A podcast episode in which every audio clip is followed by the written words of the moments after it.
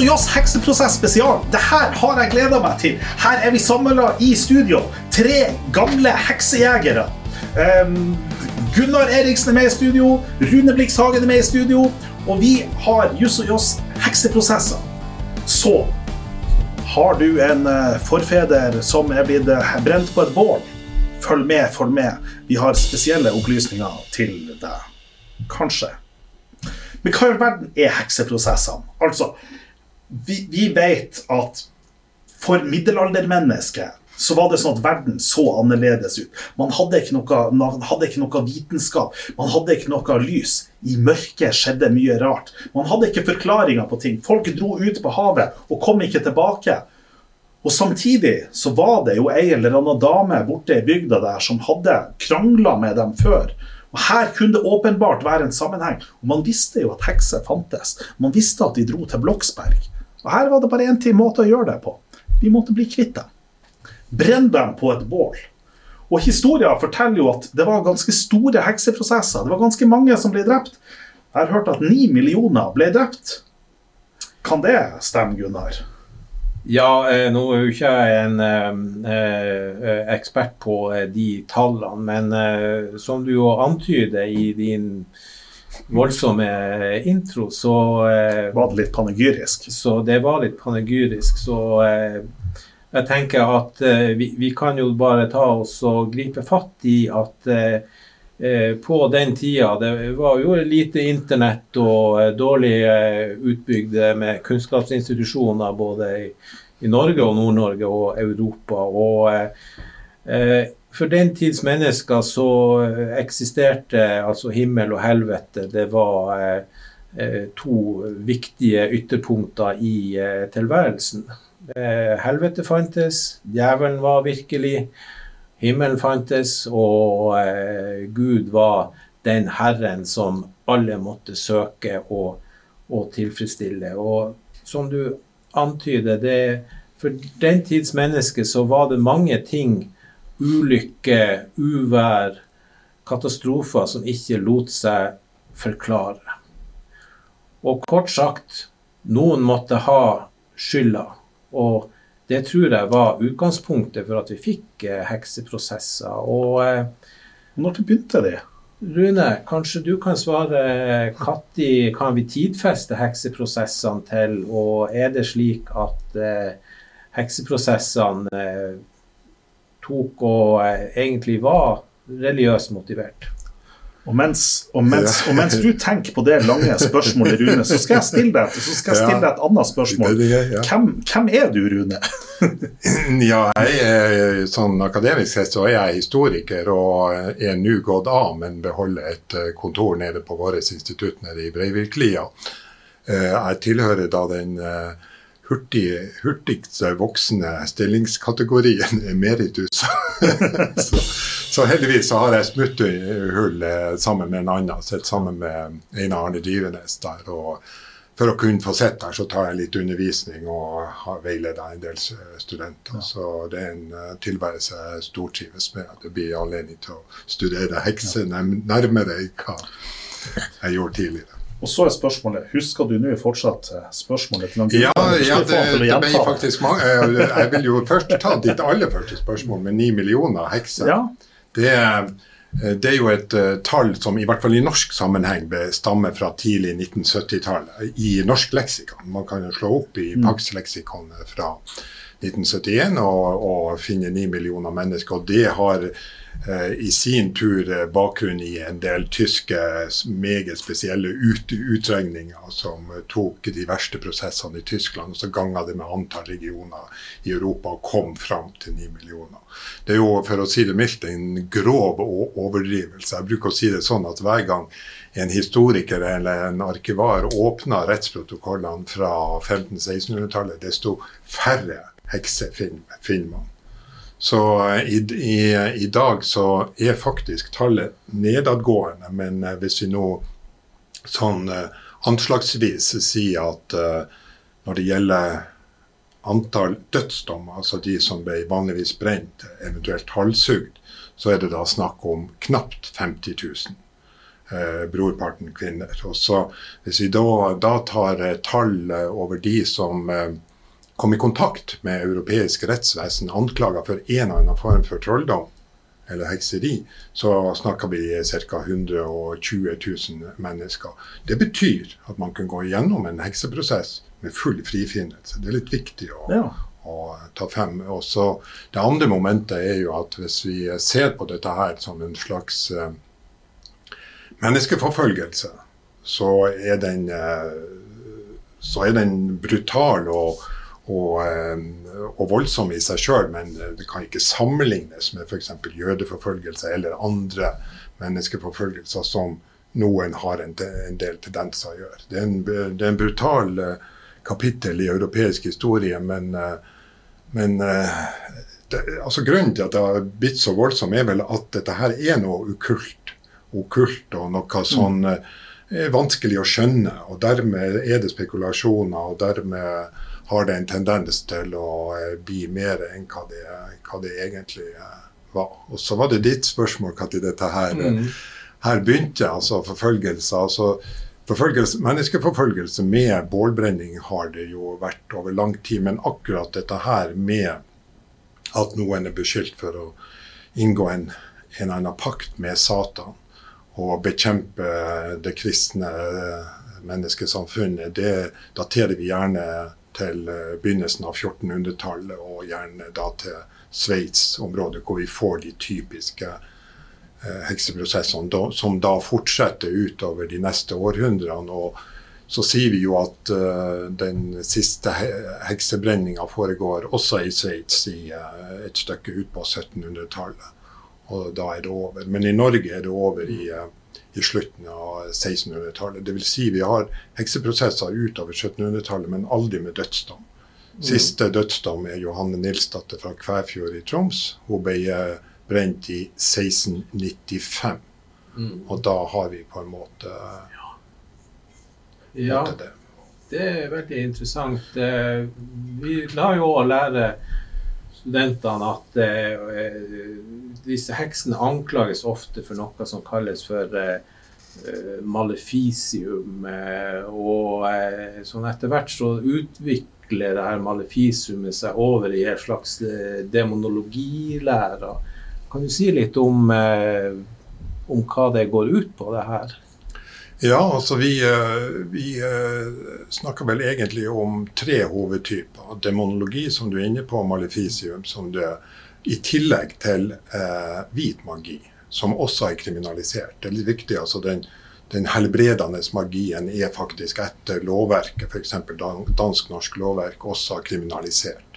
kan vi jo kanskje komme tilbake til. Men, men de to uh, hovedtypene som, som man kjenner kanskje best til, er altså malefisium og og demonologi. Og de eh, går ofte litt over i hverandre. Det er interessant å følge eh, rettsprosesser som gjerne utvikler seg fra malefisum til demonologiske prosesser. Det betyr at eh, hvis vi skiller mellom lærd trolldomstro og folkelige trolldomstro, så er folkelig trolldomstro veldig knytta til dette her med at man har, som du var inne på i innledninga, at man har ei nabokone som uh, som man ikke har det beste forhold. Og så er det nabokrangel, og så kommer forbannelsene. Og så, og så uh, slynger jeg ut forbannelsene, og da går det troll i ord.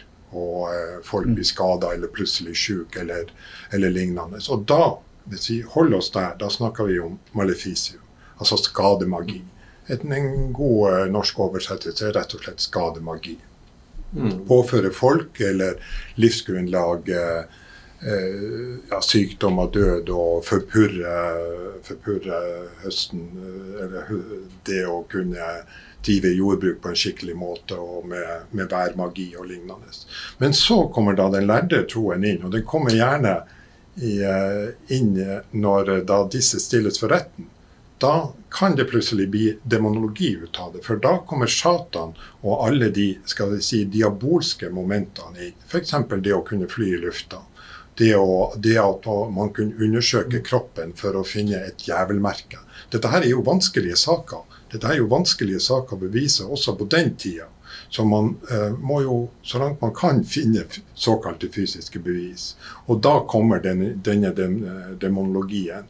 Man kan undersøke kroppen for å se om det er noen djevelmerker, eller man, eh, man har disse her testene, sånn som vanntest og, og lignende, som, uh, som, har en sånn veldig tvilsom juridisk status. Men altså da kommer hele dette diabolismebildet inn med, med, å fly gjennom luften, det å skape seg om og det å dra på heksesabbat, eh, seksuelle mm. utfoldelser og, og lignende. Så, mm. og, og, delta i kollektive aksjoner i, i, med en pakt med, med mm. Satan. Da har man den reindyrka diabolismen eller demonologien. Disse kan også selvfølgelig være atskilt, men ofte sånn som i Finnmark går de sammen. Jeg vil, jeg vil, bare prøve å knytte det her litt tilbake. for Du sier det begynner i, i Sveits på 1400-tallet. Og så ser jeg også i, i, litteraturen så sier man på en måte at, de, at, det var mer eh, hekseprosesser i de protestantiske landene enn de katolske landene. Og det er klart at Når vi ser på, på hva det som skjer i Sveits på 1400-tallet, så er det sånn at de, de sveitsiske kantonene de er jo da i en løsrivningsprosess og hvor de på en måte prøver å løsrive seg fra den kirkelige makta, som da utløser på en måte den, den første delen av reformasjonen med, med, Ulrich Svingli og det her, og hvor du på en måte senere får den, den eh, protestanti, altså den lutherske reformasjonen lenger ned i Tyskland. Uh, og det Er klart at er det, er det liksom tilfeldig at det Sveits 1400-tallet samtidig som den løsrivinga av den katolske kirka? Er det tilfeldig at vi er i Tyskland altså i, de delene av Tyskland der den protestantiske kirka sammen, Hva er sammenhengen mellom det her og reformasjonen, Rune? Ja, altså, det, er ikke, tvil om at den, eh, det religiøse skisma i, i, Europa på, på 15 eh, og, og, den lutherske dogmatismen og den religiøse dogmatismen utover eh, eller fundamentalismen utover 1600-tallet betyr mye. Men, men, altså, grunnen til at man sier at at det er flere hekseprosesser i protestantiske, kalvinistiske land eh, enn, enn i de katolske. Det har jo sammenheng med at de sentrale katolske landene som hadde inkvisisjon, sånn som Portugal, Spania og, og, deler av Italia, pave, pavestaten, de, de, var ikke interessert i hekser. Eller de var mindre interessert i hekser. Så de, altså, mange tror at Eh, grunnen til disse hekseprosessene er inkvisisjon. Hekseprosess og inkvisisjon er lik. Hva, hva er inkvisisjon? Ja, nettopp. Det er, det er, forfølgelse av folk som har uriktig tro. Og det er, det er altså de som ikke følger den rette, uh, rette katolske troa og, og danne andre mindre såkalte kirkesamfunn.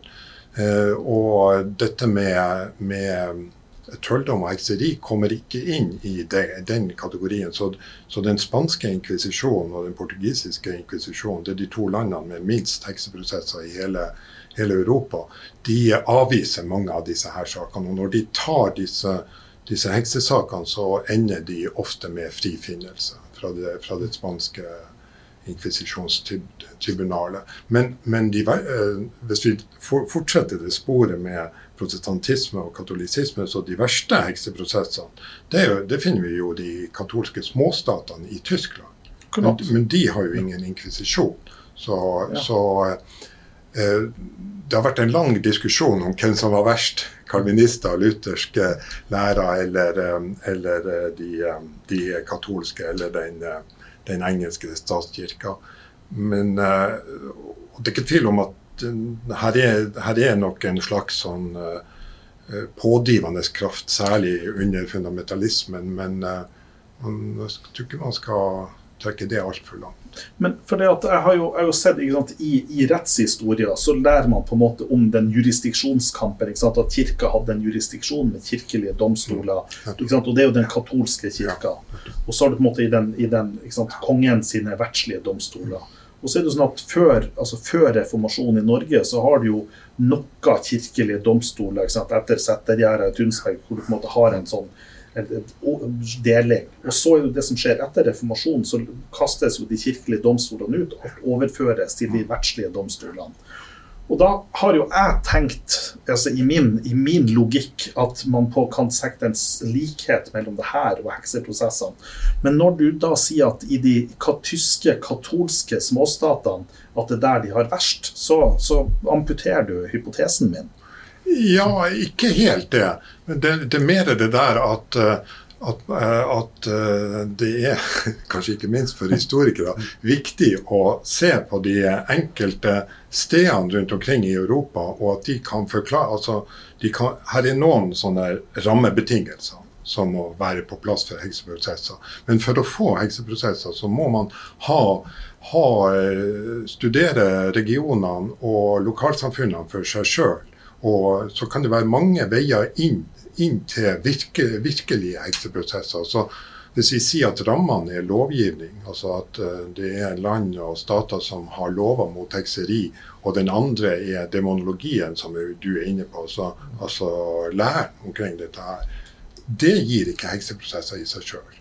Vi må ha noen eh, lokalmyndigheter som er villige til å eh, bruke disse lovene. Og vi må ha eh, eh sannsynligvis lokalsamfunner som ikke er i harmoni, men som har problemer på en eller annen måte. Det kan være eh, nordnorske lokalsamfunn som pga. f.eks. den lille istid kommer i en, i en, i en situasjon hvor eh, næringa, fiskerinæringa og jordbruket trues av, av, både vær og vind og lignende. Det kan være ei av sånne typer forklaringer. Og i, i de, eh, disse her tyske, tyske småstatene så kan det jo også være nett, nettopp eh, det at man eh, ser at det er fiender og som kanskje som eh, går i Satan sin tjeneste fordi at de kanskje har lutherske sympatier. Ja, så, det, så det, mm. det, er litt eh, forskjellig fra Jeg tror det er litt viktig å gå og se på de enkelte mm. lokalsamfunnene. Og så, og så, uh, Som de sier at djevelen ligger i detaljene. Ja, nettopp. Veldig, veldig godt poeng. Og Du kan også, også si det sånn at du kan et, et lokalsamfunn kan ha masse eh, trolldomsprosesser, og så eh, nabofylket eller naboregionen har ingen. Ja. Det, ja um, en annen ting er jo også hvem disse også heksen var. og så forstår at eh, vi hadde kanskje en overrepresentasjon av kvinner. Og eh, i demonologien som du eh, beskriver den, så, så syns jeg demonologien virker jo litt sånn femininisert. Og eh, man tar jo intuitivt og tenker på, på hekser som da kvinner gjennom disse her eh, kollektive preget, eh, seksuelle utskeielser intriger, eh, riding på kosteskaft og andre slike sånne her eh, hva man skal si, eh, ting med litt sånn seksualiserte undertoner. Og, og, og, har vi noen god forklaring på hvorfor det ble slik at kvinner ble overrepresentert?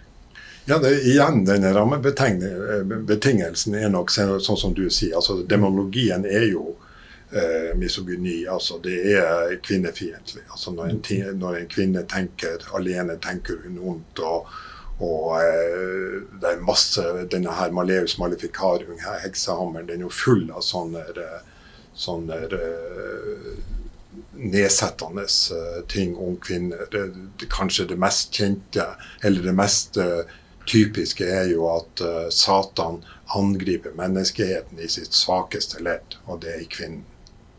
Og så, og så, kommer det seksuelle inn, at uh, kvinner kan ikke stå motstå uh, Satans fristelser. Satan gir dem bedre orgasme enn mm. vanlige menn. Mm. og, så, og så lignende. Så den, de rammebetingelsene er jo uh, for så vidt uh, klar, klar, nok. Men igjen så må man da Eh, på lokalplanet og se, se, hvorfor det blir sånn. Et, eh, men det kan jo sikkert eh, også dere si litt mm. mer om. altså eh, Rettsapparatet på den, den tida. Eh, det, er jo, det, er jo, ikke bare mannsdominert, men altså det er jo utelukkende menn som sitter og dømmer. Som sitter og, og etterforsker, og som sitter og, og styrer dette rettsapparatet. Kvinner har jo vitnehabilitet, men, men Men ellers så er det jo menn som sitter og styrer, og det spiller nok uh, en, en, viss rolle. Men ja. så mm. Det viktige er jo dette her med altså En viktig ting i, i demologien er jo dette med løsmunnethet. Altså, mm. altså, Kvinner kan ikke tie stille, og de sprer Satan sitt, uh, sitt mm. budskap.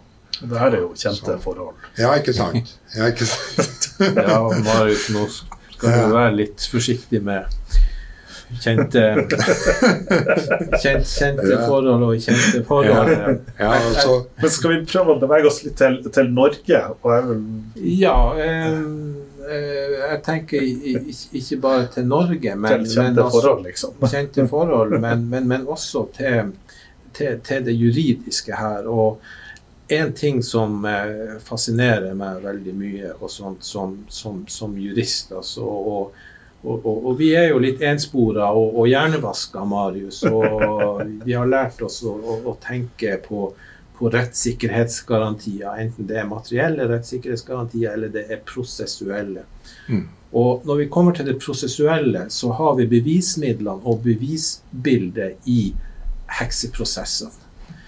Vi har eh, sånn gudebevis i form av, eh, av, av, av vannprøven. Eh, før hekseprosessene eh, så hadde vi jo vi hadde jo også trolldomsprosesser før det, tilbake i middelalderen, mm. hvor man hadde andre gudebevis, sånn som såkalt jernbyrd, eh, og måtte ta i glødende jern eller kokende vann.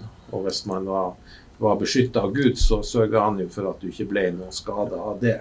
Jeg må si at jeg syns det med gudebevisene har fått et ufortjent dårlig rykte. altså. Så jeg tenker at, jeg tenker at For, for middelaldermennesket som lever livet sitt rundt og tror at, at jeg er en evighetsskapning Jeg er her bare på jorda i disse 45 årene som var gjennomsnittlig levealder, um, for å avklare hvor jeg skal tilbringe resten av evigheten, eller himmel eller helvete. Så er det sånn at ja, det å da bli utsatt for et gudebevis og på en måte men hvis man, hvis man ender opp med at man mm. drukner, ja, så blir man jo begravd innenfor kirka. Man kommer jo til himmelen. Man har jo liksom fått en fribillett. Ja. Jeg tenker at du kom ut av den lidelsen her. Jeg tenker at jeg syns vi liksom ser den gudebevisene rett og slett for, for dystert med vår tids øyne.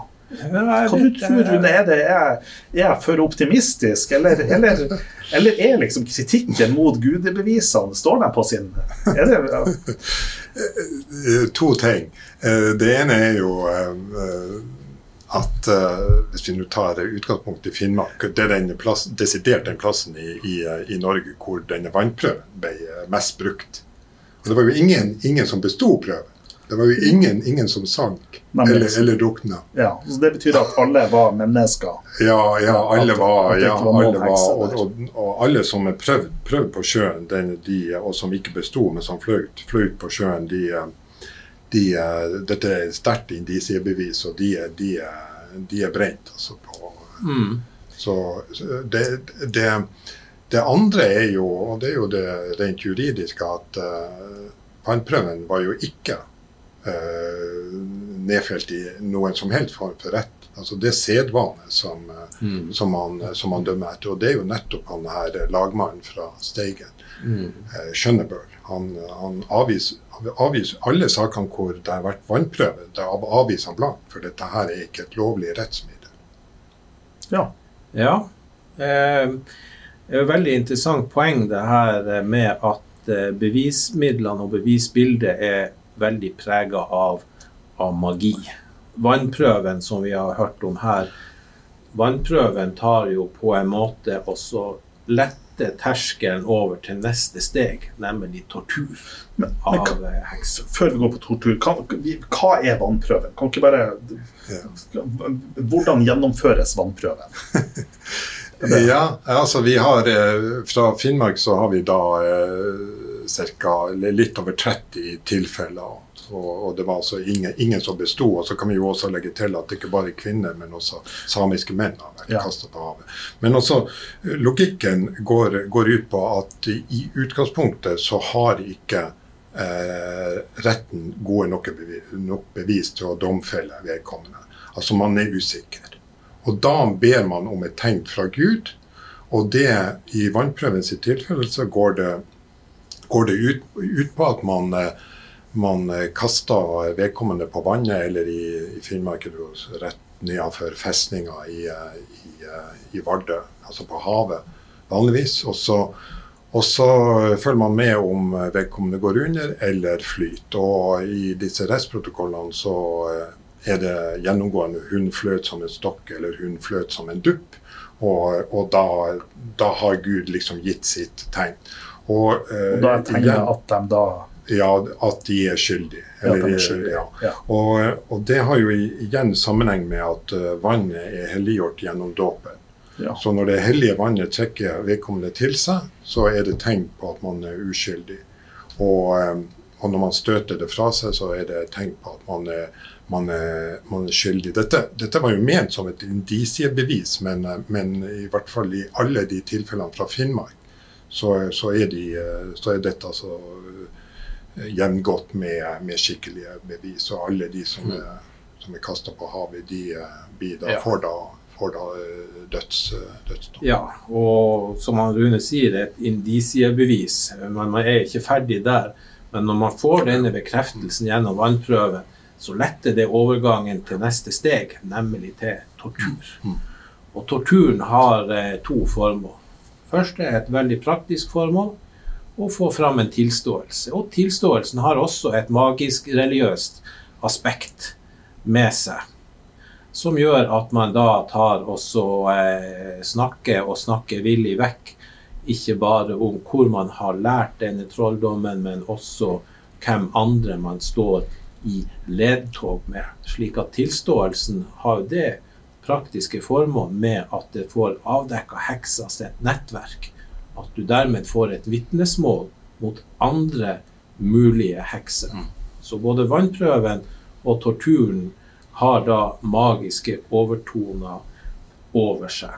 Og eh, når vi da eh, kommer fram til eh, 1600 og grovt sett 40-tallet, så støter vi jo på da denne her fremstående eh, lagmannen eh, fra Steigen, eh, hvor han hadde sitt embetssted, Manfred Skjønebøl Pedersen.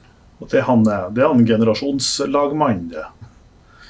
Det, som, ja. det, var der det, det, var der de drev lagmannsembetet som en generasjonsbedrift ja. over fem generasjoner over 160 år. Det, det, det, det, stemmer godt. det er nesten som folkangerslekta.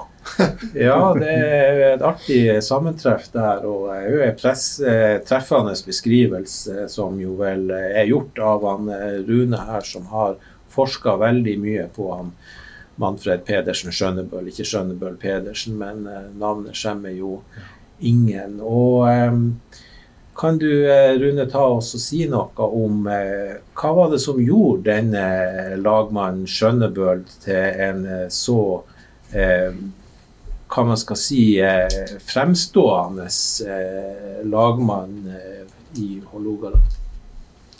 Ja, det er jo altså, for, for, meg viktig, er det jo viktig å få fram dette her navnet, som en Kall det gjerne for en jussens helt, men altså en sånn nordnorsk eh, figur som vi kunne ha mer, være mer stolt ut av enn f.eks. Peter Dass. Ja. så, så eh, nei, altså, Grunnen til at vi skal trekke ham fram, er at uh, disse uh, uhyggelige tallene fra, fra, Finnmark har sett mye verre ut. Det har vært snakk om flere, over, i hvert fall over 100 mennesker, hvis ikke han hadde, hadde kommet midt oppi dette her og, og, og, har frikjent et, eh, i hvert fall over, over 20 mennesker som eh, sannsynligvis ellers ville ha blitt brent. Og det er det ene. Det andre er at han er skyldig eh, at Skyldig og skyldig. Men det er han som skal ha æren for at vi i Norge ikke har unger som er brent på bål. Og med unger mindreårige, det vil da si under tolv år. Og ut av de han, han frikjenner, så er det i hvert fall tre unger åtte, ti og tolv år som, som han fritt eh, fri, eh, frikjente, og hvor påtalemyndighetene de ønsker å brenne disse ungene. Ja. Eh, men, men han, saken blir da anka, og så frikjenner han dem. Og, og, så vi har ikke disse det er vel kanskje det mest tragiske av disse hekseprosessene, at unger er involvert. Og det har vi i Spania eller i Baskerområdet. Eh, Sør-Frankrike og Nord-Spania. og Det har vi i, i, Tyskland. Og det har vi Vi trenger ikke å gå lenger enn til Mora i Sverige for å finne at uh, unger ble kasta på bålet sammen med sine tanter, besteforeldre og, og, og mødre. Mm. Så, så uh, det men hva, men hva, som er begrunnelsen for, for de her ungene? Har han på en måte en argumentasjon i forhold til at de er barn og derfor må frikjennes? Eller er det på en måte en argumentasjon yeah. på, på, bevisene eller på ja, andre altså. Først og fremst er han legalist. Altså han, det er vel det som dere kaller det prosessuelle. Mm. Altså Det er der han, han angriper.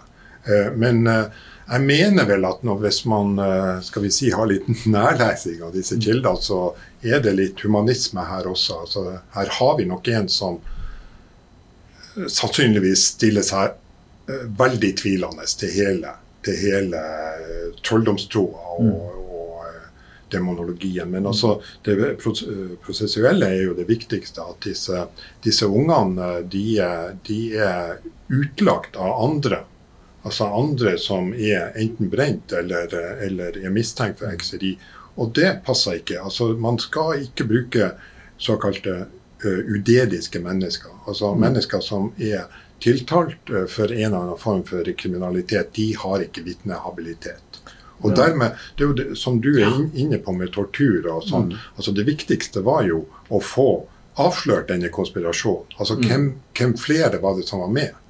Og det mener Skjønnebøl ikke holder, fordi at man bruker allerede dømte personer eller uh, folk som er mistenkt for en eller annen form for, uh, for kriminalitet. I loven som Og så bruker han da lov, dansk, dansk lovgivning, dansk-norsk lovgivning fra, fra 1500-tallet, hvor, hvor, hvor, det står både trollfolk og tyver og, og andre kan ikke vitne i, i, i sak. Eh, i slike saker.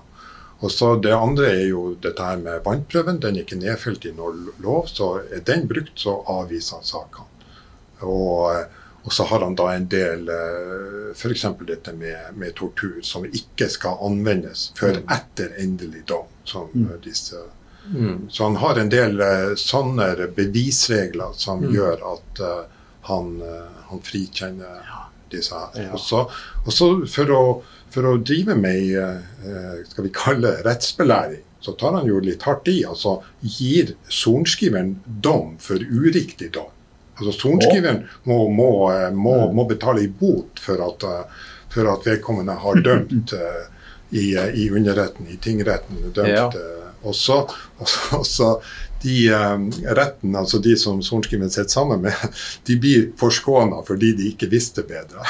Ja. så dette er en litt uh, autoritær mm. og, og, tøff og uredd mann som, uh, som tar tak i disse Det var han, og det artige der at du nevner det, at, at disse her som ikke visste bedre, det var altså meddommere, det var legmenn. Ja, at de de, de, de, visste ikke bedre, så de kunne slippe. Og jeg syns å minnes også at, eh, at det var en, eh, en av, av, av, disse her eh, an, angiverne òg som han fikk heven i eh, fangeholdet. Jeg tror han, han, fikk seg 16 uker for å få en sånn liten smak på det som eh, ei av disse damene som ble frikjent, som heter Maren Jakobsdatter, ble frikjent i 1647 av han eh, Eh, Skjønnebøl, så tok han en av disse her angiverne og, og lot han eh, få smake det her eh, fangeholdet på Vardøhus festning.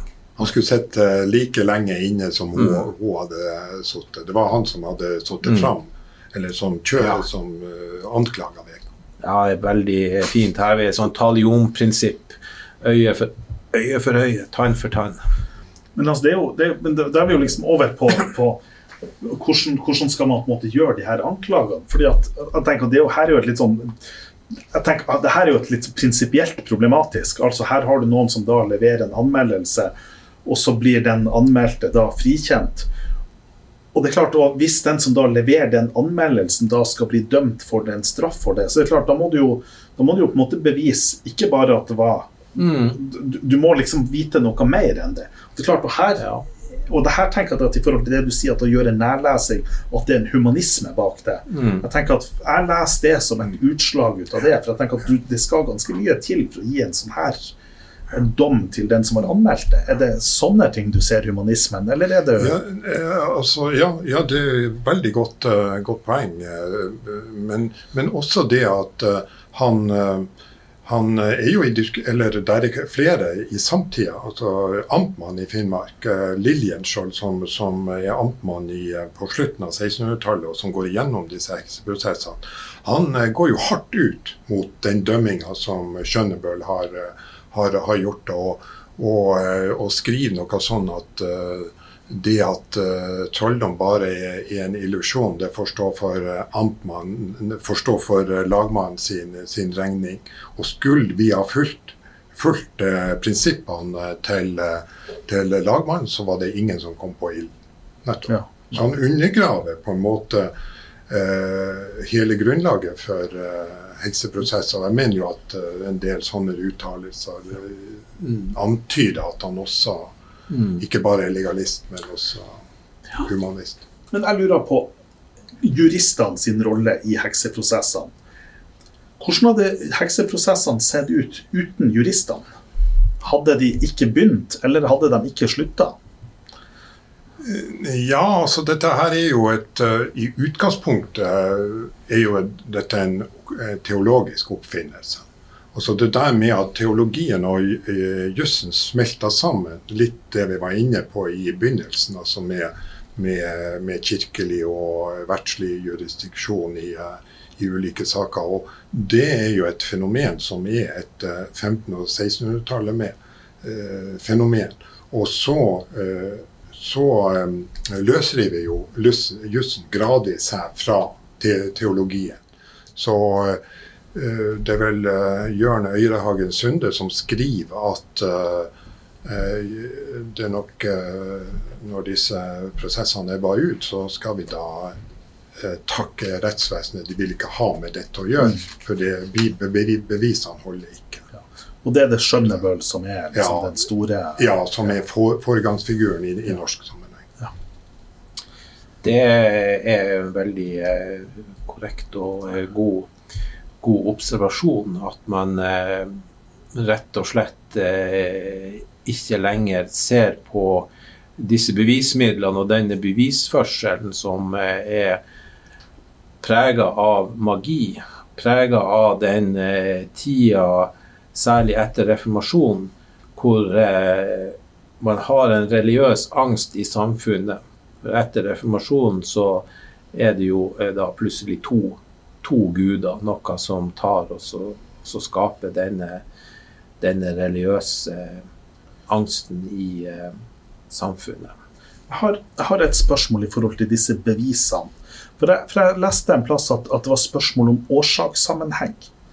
Fordi at jeg tenker at altså Her er det jo på en måte flere liksom, bevisspørsmål. Fordi at Hvis vi på en måte tar utgangspunkt i de ma, ma, male, mal, Malefisium, ja. Malefisium, ikke sant? Så, så, er da situasjonen at, at, du har en nabokrangel, og så drar kisen ut på havet, og så kommer han ikke tilbake. Og så sier man det at da er det hun som på en måte, hennes forbannelse som på en måte gjorde det. Men det, det som jo da må bevises, det er jo da i første omgang at hun er ei heks. Men så er jo det neste som kanskje må bevises, det er jo at en årsakssammenheng mellom hennes forbannelse og hans, eh, altså denne ulykka så syns jeg leser en plass at, at det denne, det, dette med den årsakssammenhengen Man kan ikke bevise årsakssammenhengen. Har, og at, og at der, du dermed får frikjenning av det. Altså en person som man da sier denne personen kan i prinsippet være en heks. Det, det tar vi liksom ikke stilling til. Men det vi tar stilling til, er at det ikke er bevist en årsakssammenheng. Da er spørsmålet mitt har jeg misforstått det her, eller er det Nei, altså, Da må vi trekke inn det vi var litt inne på i sted, med både tortur og, og, og, og vanntest. Altså, fordi når rettsprosessen først er i gang, så kommer jo forklaringa. Så kommer jo denne, denne, logikken fram, at det er en sammenheng mellom ryktet som heks og det at denne plutselige stormen tok livet, mm. uh, tok livet av fiskere og, og, lignende. For da forteller hun under psykisk og, og, fysisk tortur om hvordan hun har gått fram for å, for å trekke opp vind. Mm. Sånn at uh, disse, uh, disse, båtene forliste og, og folk drukna, drukna, på havet. Så, uh, så, jeg tror nok den logikken der er veldig mye knytta til det presset som ligger i, i, i selve disse, disse, disse sakene. Mm. Ja. Hvor er det vi står på hekseprosessene i dag? Ja, eh vi har vel greid oss å ta og, og, og trekke en, en, god del eh, lærdom av, av, av fortida. Og, og, for oss som, eh, som, som, jurister så tenker jeg at eh, eh, det, Vi har jo ikke akkurat, når vi kanskje ser bort fra Skjønnebøl, gjort eh, en sånn kjempestor innsats i den samtida. Skjønnebøl var jo eh, var jo en, en bauta i så måte. Men eh, vi kan sette det inn i en kontekst da at vi fra ca. 1732 eh, så ser vi da ei voldsom profesjonalisering av, av jurister. At eh, det var ikke lenger bare da eh, eh hva eh, man skal si, eh, slektsbestemt. At det var eh, adel og storfolk som opererte som lagmenn og, og, jurister. Man får da hva vi si, etter hvert krav til en juristutdannelse og en embetseksamen. Og denne hva vi si, voldsomme profesjonaliseringa kan jo eh, trekkes inn da som et, et, endelig bolverk mot eh, denne type forfølgelse av mennesker. Og det trekker jo da egentlig trådene tilbake til det vi begynte med, hvor vi ser med sjokk og vantro på disse prosessene og spør hvor er rettssikkerhetsgarantiene. Men eh, eh slik, eh, slik, jeg har forstått det, så eh, var jo ikke det her bare en voldsom tid på den tida det foregikk, men at eh, hekseprosessene eh, som foregikk, de kan være like aktuelle eh, i, eh, i dag. Og eh, der har du, Rune, hatt en spesiell opplevelse. Og for en stund siden så fikk du da henvendelse fra et advokatkontor i Oslo, stemmer det? Ja, altså det har hatt flere henvendelser fra samme advokatkontor. altså La oss ikke gå inn på hvilket advokatkontor det her er. Nei, la oss holde på det her ja, nivået. Ja. Ja.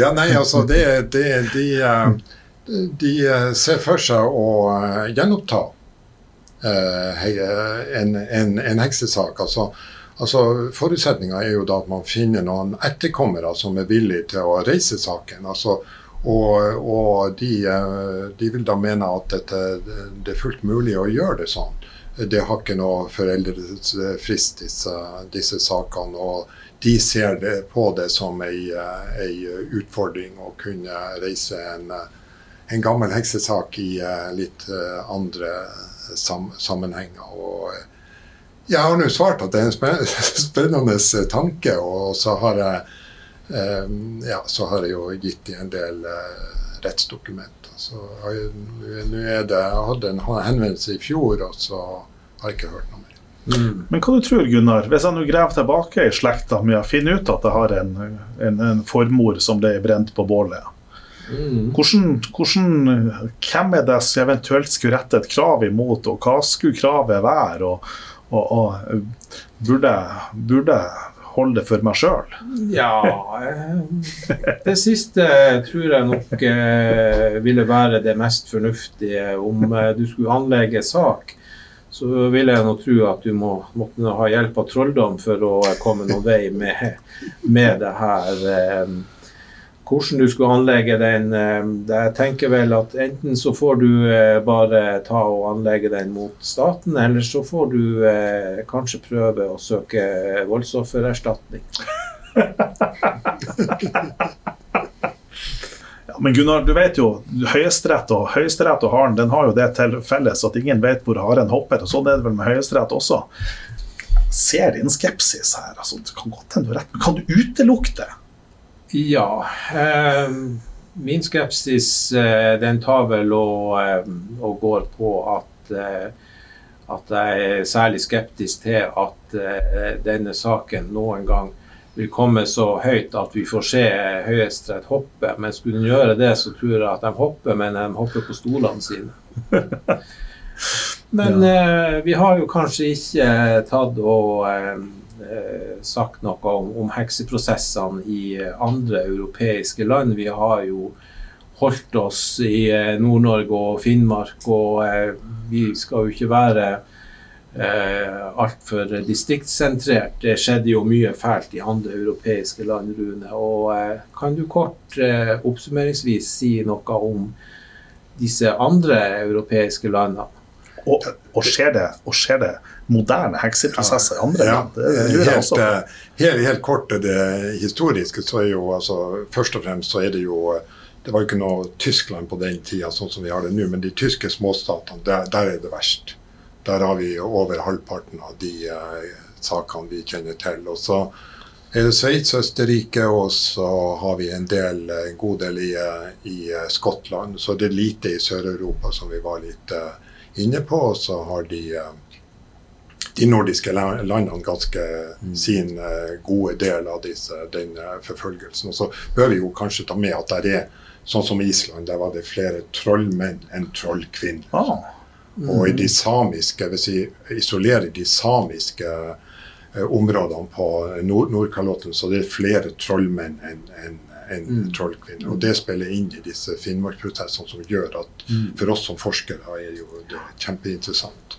Mm. Men uh, det får være tema for en, det... for en annen. Det, det, men, men, helt uh, til slutt, fra min side, så, så uh, bør vi jo kanskje ta med at disse Hekseforfølgelsen foregår for fullt i dag. Og mm. ser vi på hvor mange som er blitt stilt for retten i afrikanske og en del asiatiske land, så er faktisk tallet det overgår det tallet vi hadde fra de europeiske hekseprosessene. Mm. Så det er ganske Men jeg var faktisk, jeg var faktisk borti en sak på det, hvor det var en, en eh, UDI-sak. Hvor det var en, en, fyr som da var anklaga for å være heks i sitt, i sitt afrikanske land. Uh, og hvor han, fordi at han hadde den hekseanklagen mot seg, så var det sånn at hvis han da ville bli sendt hjem igjen, så ville han da bli drept av folkene i landsbyen fordi at han var ei heks.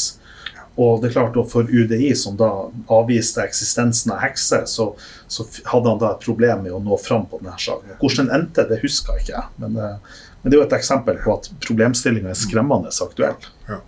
Det, det, det, er den absolutt. Og eh, jeg tenker et uh, siste passende sånn avslutningsspørsmål når vi snakker aktualitet. Uh, Rune, ble det brent hekse her i Tromsø? Ja, det ble det. Vi er litt usikre på hvor det ble brent, men kanskje nedenfor Kongsbakken, der den kongestatuen uh, står, uh, i om området der. Og det, det er lagmannsting uh, som ender med at tre samer, to fra, eller tre fra Kalfjord, kommer fra Kalfjord. og og det er to menn og, og ei, ei, kvinne som da er brent. Det kan ha vært flere, men det er disse tre vi kjenner til. Mm. Ja, Hekseprosessene unnslapp eh, ingen i den tida de eh, foregikk. Og eh, jeg syns at vi har eh, nå hatt en, en veldig fin eh, samtale om veldig mange av de viktigste aspektene med disse prosessene. Både det faktiske, historiske og det juridiske. Og eh, vi har vært veldig glad og takknemlig for at du, Rune Blikshagen, kunne komme til oss og snakke med oss om eh, disse tingene. Vi eh, tar og eh, har fått med oss veldig mange viktige aspekter, og ikke minst mye fin refleksjon inn i vår eh, hverdag som undervisere i, eh, i, i, rettshistorie.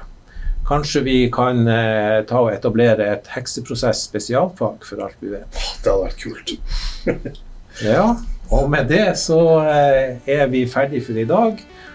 Og eh, vi ønsker alle våre lyttere en finfin eh, fin dag videre. Og prøv å sende flere spørsmål.